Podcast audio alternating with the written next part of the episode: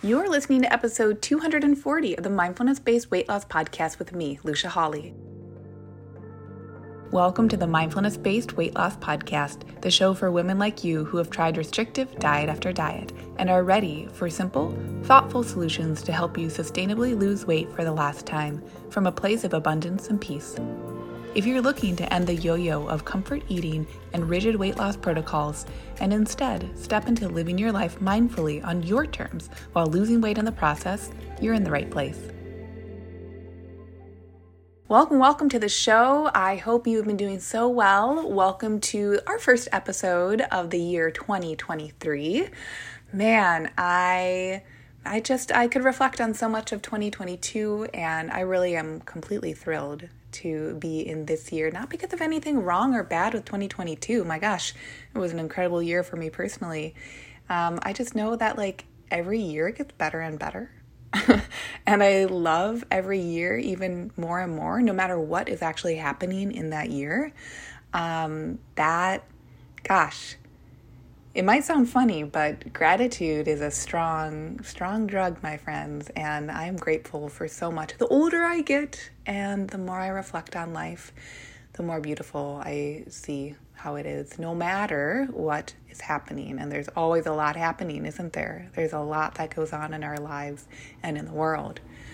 Today's episode, I wanted it to be a short and sweet episode on it's actually with a TikTok video that I did that people really found super useful and I was like, "Oh my gosh, like this needs to be a podcast episode. It needs to be easily uh, easy to navigate to, need to have like a quick link to it." And as much as I love TikTok, it is easy for videos to get pushed away uh, down down the feed. So in today's episode, I'm going to be talking about the difference between hunger, an empty stomach, and cravings because differentiating between those three and understanding they are distinct and different is going to be very helpful on your weight loss journey. And remember, why do we lose weight? We lose weight to feel great. And when you're feeling great, you're understanding and you're in touch with your body. You understand your body cues from the inside out and the outside in. So that is a big part of permanent weight loss is really becoming in tune with your body. And what we do here is that we help you understand that it doesn't have to be this long drawn out process. You can actually pretty quickly get in touch with your body and love all of the signals it's been sending you. Yes, even the ones that might be leaving you feeling low energy, fatigued, not sleeping well at night, uh, cranky, hangry. Remember, every signal your body sends you, you can listen to and appreciate once you uncode what they mean. I really believe, and I see it time and time again, that we were all born with that ability to feel good in the present moment. And part of feeling good, and I've said this for years and years and years, for decades even, part of feeling good is simply having information that education is empowerment. And you can educate yourself about your body signals anytime you like, no matter your history, no matter how out of touch you felt with your body. With mindfulness, we can always come back into the present, and the present moment is rich with information. So let's start with hunger, and this is just going to be a quickie, okay? I want it to be super concise, really. Uh, most of my episodes are pretty short, but let's see if this one's going to be even under 10 minutes, okay? So, number one, hunger. Hunger is when your body is ready for nourishing food that will refill it with plenty of macro and micronutrients. Okay, so of course, I'm going to create a caveat here and say that, of course, we can feel hunger for other types of foods. Okay, it's not just you're going to only ever have hunger for plain kale or that common advice of, well, you're not really hungry unless you'd eat an apple. However, okay, we don't do the black and white here. However, that true, authentic hunger from a physical standpoint, our hunger, because our bodies are so smart, our hunger is mainly going to boil down to our smart bodies telling us, hey, I need a little bit of a protein up. Hey, I really want a big blast of micronutrients from colorful leafy greens or from just some veggies. Or, hey, I really need some long burning energy here. How about something that's fattier? And or a combination of all three macronutrients and their um, component micronutrients. Hunger itself is a, I visualize it as a gentle wave. When we are feeling that authentic hunger, it comes on and it builds gradually. And it is different than hunger that just hits us out of nowhere, that is really intense or really overbearing, or you're getting hangry, okay? Those are signs of a blood sugar crash, dysregulated hunger. Those are parts of cravings, which I'll talk about a little bit later in this episode. But understand that hunger is when your body is starting to say to you, I am ready to be refueled. I am ready for wholesome food. Now, hunger is different than the sensation of an empty stomach, okay? So, an empty stomach comes prior to hunger, and this is our in our day-to-day daily lives, okay? So many people can argue for all these different extremes. Well, what if I'm an endurance athlete or this or that? Or it's like we're gonna your your body is to have different signals it's to send you if you're doing different stuff. But this is for, in general, just living our daily lives going from day to day. So, empty stomach is a sensation you can experience without hunger. And sometimes, this is a really key point.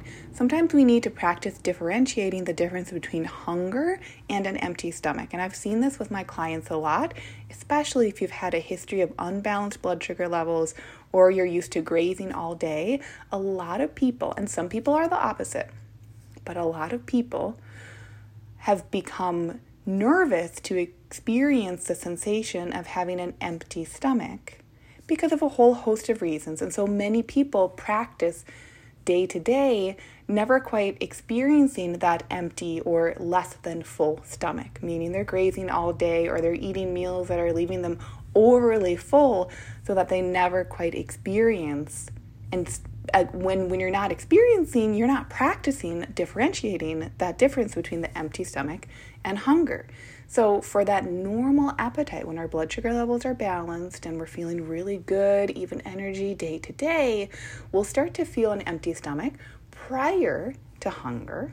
Okay? An empty stomach that goes on in time and duration then comes into hunger. Okay? So, we're not starving ourselves here at, at all. We're simply offering the sensation of an empty stomach without worrying that it is alarming because we trust that the empty stomach feeling precedes the hunger feeling. And of course, there are going to be plenty of reasons why someone might choose to eat prior to an empty stomach feeling, but I just need to say this and the subject actually seems to be really taboo to talk about. I was really nervous to talk about it and bring it up um, like on the podcast and especially on TikTok at first, especially with intuitive eating and anti diet communities. Yes, there are plenty of people who chronically undereat and chronically avoid and push down their hunger cues, push down the sensation of an empty stomach. But I find it really helps my clients understand their bodies that much more deeply just to know oh, an empty stomach is different than hunger. They go hand in hand, and I'm in charge of noticing any differences in sensation because we can experience a gentle empty stomach or just e- even if like a less than full stomach between meals and then that is a cue for me I'm likely to become and experience some hunger soon and that my next meal will satisfy that hunger. Now, then, cravings can be physically or emotionally based. And of course, cravings are not bad. We're not here to get rid of your cravings forever and ever. Amen. But if your appetite, which is different than your hunger and satisfaction, if your appetite is being driven by cravings, it can feel really difficult to make intentional meal choices peacefully. I always like to imagine cravings as being in the car that we're driving, but we want to be in the driver's seat because we're the adult and we know where we're going. Cravings might pop up and offer ideas and suggestions of, "Oh, hey, let's stop here, let's stop at, let's stop there." They might be in the back seat of the car, but they're not driving to the destination that you want. Okay? So cravings can be fun.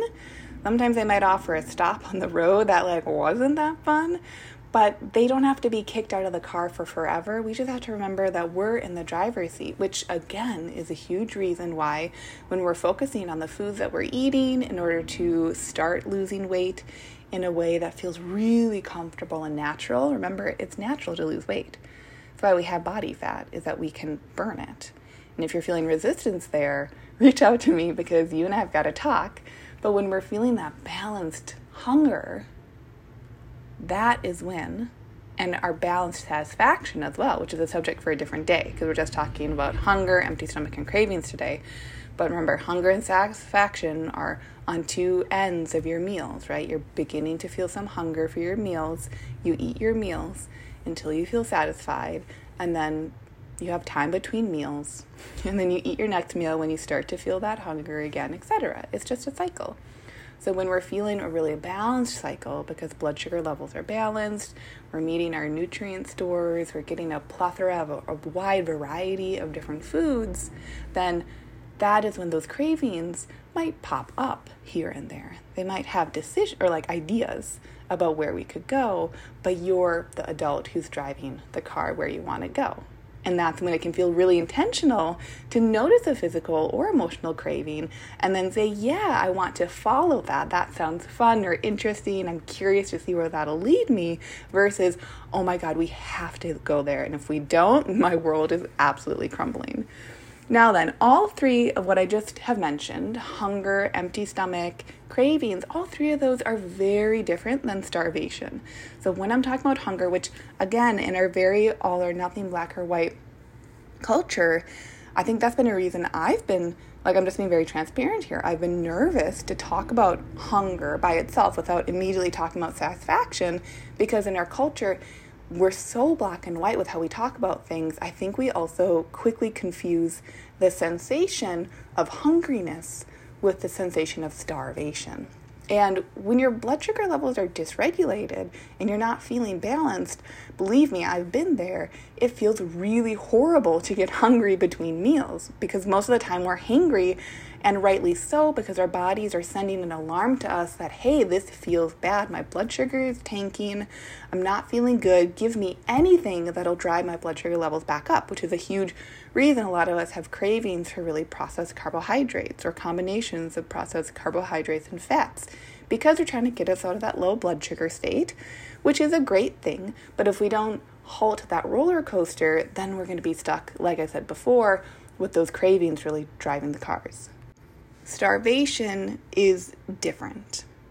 That's a subject for an entirely different episode, but experiencing let me let me put it this way the human body was designed to healthfully it's part of a healthful normal human existence to healthfully experience gentle hunger and gentle empty stomachs each day between meals. Just like it was designed to experience gentle satisfaction and gentle full stomachs daily too let me repeat that. It is the gentle experience of becoming hungry for a meal, eating that meal, becoming gently satisfied from that meal, and having a gently full stomach from that meal.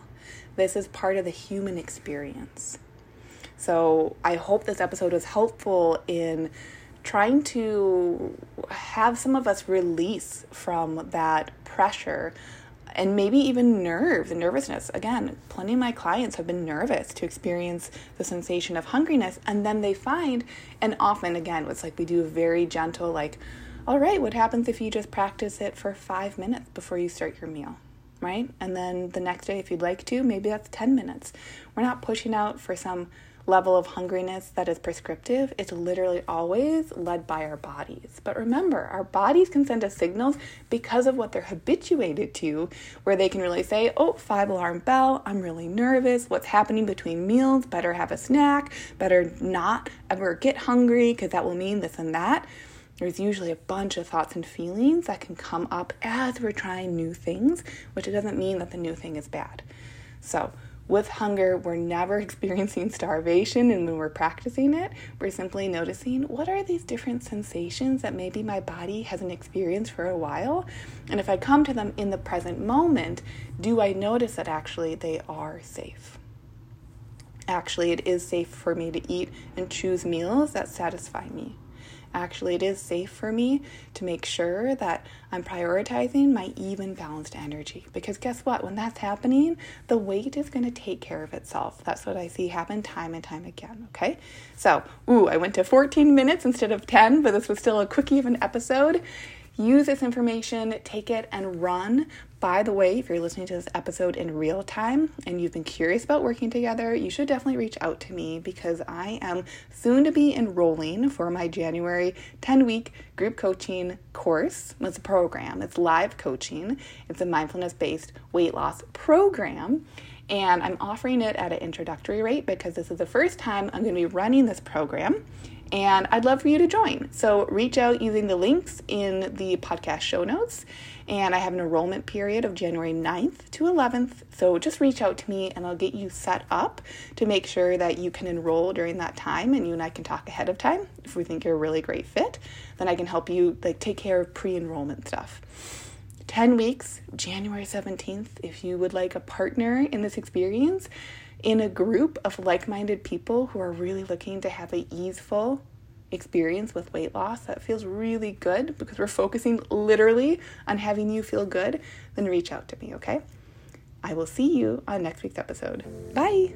Hey, if you love today's show, I'd love for you to take a minute and give a rating with a review. If you too are ready for more women to make life choices from loving mindfulness, that means we need more women listening to this message so they know it's available to them and they can do it too. And if you're ready yourself, come join Lean and Liberated, where we'll work together and you'll learn how to take this process to the next level in your weight loss goals, life desires, and beyond go to luciahawley.com. That's L U C I A H A W L E Y.com to connect.